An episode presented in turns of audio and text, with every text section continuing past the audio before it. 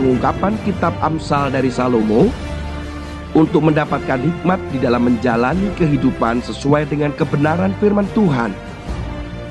Dibawakan oleh Tony Nardiwiono. Selamat mendengarkan.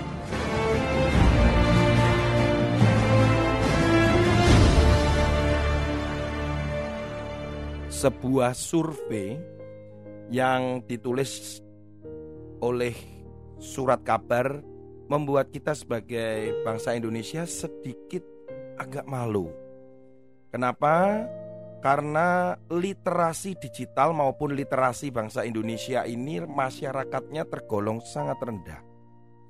Dilihat dari mana yaitu ranking literasi Indonesia atau kebiasaan membaca. Orang Indonesia ini ternyata kebiasaannya cukup rendah. Urutan nomor dua dari bawah.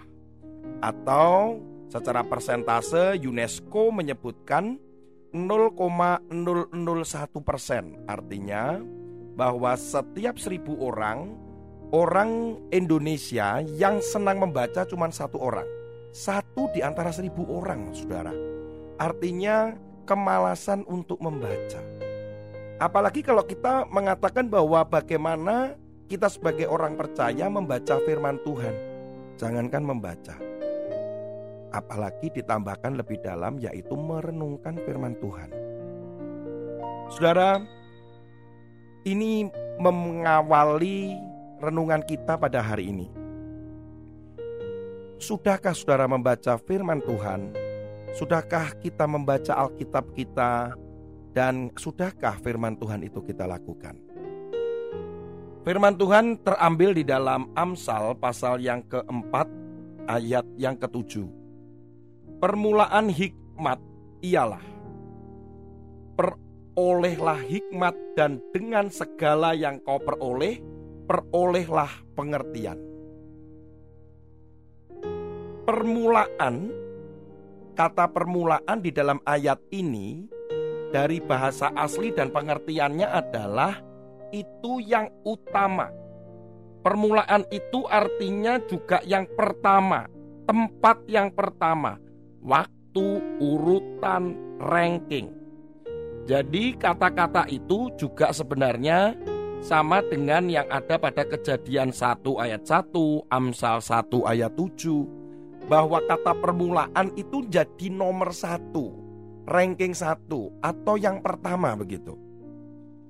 Hikmat itu sendiri kita sudah mengerti bahwa hikmat adalah perkataan Tuhan yang ingin disampaikan dengan kata lain itu adalah firman. Saudara, bicara tentang firman, saya mendapatkan fakta-fakta yang cukup mencengangkan juga.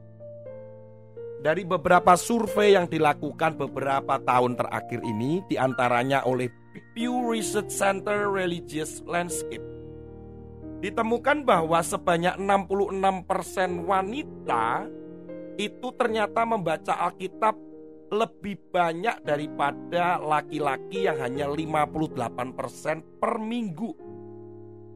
Riset ini juga diperkuat oleh survei oleh Baylor Religion pada tahun 2017 kemarin. Bahwa ternyata 36% wanita Kristen cenderung menghabiskan waktu mingguan atau harian mereka dengan membaca Alkitab dibandingkan dengan 29% pria Kristen. Saudara, ternyata memang perempuan itu lebih cenderung senang membaca. Ini terjadi pada seluruh negeri. Bukan hanya di Indonesia saja, tapi di seluruh bangsa. Ini menjadi kebiasaan perempuan untuk membaca, terutama perempuan-perempuan muda. Dan ketika dilakukan sebuah wawancara atau interview, ternyata mereka kebanyakan kebiasaan membaca itu muncul ketika mereka remaja. Dan kemampuan untuk memahami membaca Alkitab perempuan ini ternyata lebih baik dibandingkan pria. Waduh, para pria yang mendengarkan ini jangan sampai tersinggung ya.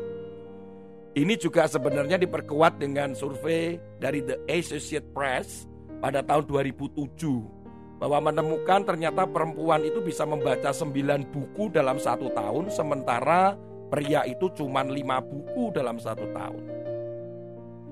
Walaupun memang ada sebenarnya perbedaan kognitif dan psikologinya memang. Jadi perempuan itu memang jauh lebih cepat menguasai kemampuan membaca dan menulis. Dua faktor inilah yang membuat perempuan ini dinilai jauh lebih tertarik dengan dunia literasi. Saudara,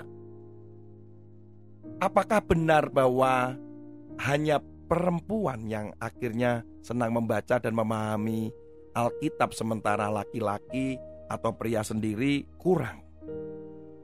Kalau dilihat dari membaca Alkitab saudara atau merenungkan firman Tuhan, beberapa pengakuan dari mereka yang disurvei, mereka mengaku bahwa para perempuan itu mengalami transformasi hidup. Ketika Alkitab itu dia baca, firman Tuhan itu mereka baca. Karena firman itu telah mengubah hidup mereka dan membawa mereka lebih intim dengan Tuhan. Wah, luar biasa sekali, saudara. Perempuan ini rajin membaca Alkitab, umumnya itu mengaku juga bahwa Tuhan itu secara intens telah mengubah hidupnya. Mereka merenungkan itu sehingga mengubah cara berpikir mereka. Karena itu gerakan membaca Alkitab itu setiap hari terus bisa digalakkan dan banyak keterlibatan perempuan di sana. Bahkan kalau diamati ya saudara, kegerakan doa, kemudian terlibat pelayanan sekolah minggu misalnya, itu memang lebih banyak perempuan yang terlibat. Ketika saya bersama dengan ibu saya aktif di doa malam beberapa waktu yang lalu ketika saya masih remaja, di gereja saya juga menemukan mayoritas adalah para ibu-ibu dengan kata lain mereka adalah perempuan. Kadang saya bertanya, di manakah laki-laki? Sehingga tidak heran ketika ada di dalam keluarga pun banyak yang ada generasi disebut fatherless, kehilangan laki-laki.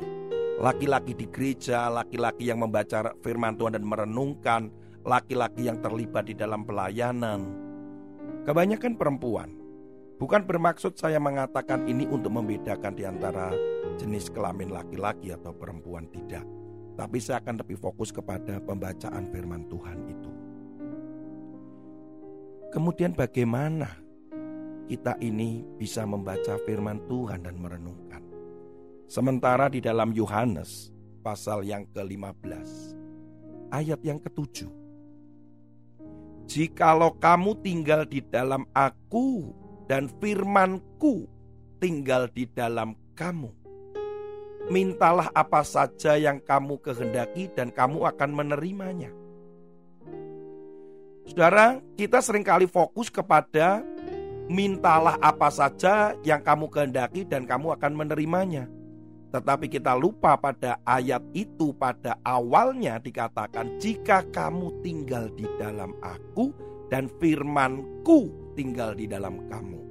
Firman itu akan tinggal di dalam kita di dalam setiap orang percaya ketika kita memulainya dengan membaca, merenungkan. Saudara, suatu hari saya mendengarkan salah seorang hamba Tuhan yang menyampaikan tentang bagaimana membaca Alkitab atau membaca firman Tuhan. Dia menyebutkan sebagai bacaan ilahi. Dengan kata lain disebut sebagai lexio divina. Ketika saya mendengarkan baik-baik, tidak ada salahnya kita belajar bersama-sama bagaimana kita membaca firman Tuhan dengan tahap atau tingkatan yang itu bisa sampai akhirnya yang diinginkan oleh Tuhan. Tahap yang pertama itu adalah leksio yaitu membaca dalam kesadaran bahwa Allah sedang bicara. Ketika kita membaca firman Tuhan, sepertinya Tuhan itu sedang berbicara kepada kita, sehingga setiap kata, setiap kalimat itu sepertinya Tuhan sedang berbicara, sedang menceritakan, sedang menasehati. Ini adalah tahap pertama yang disebut leksio.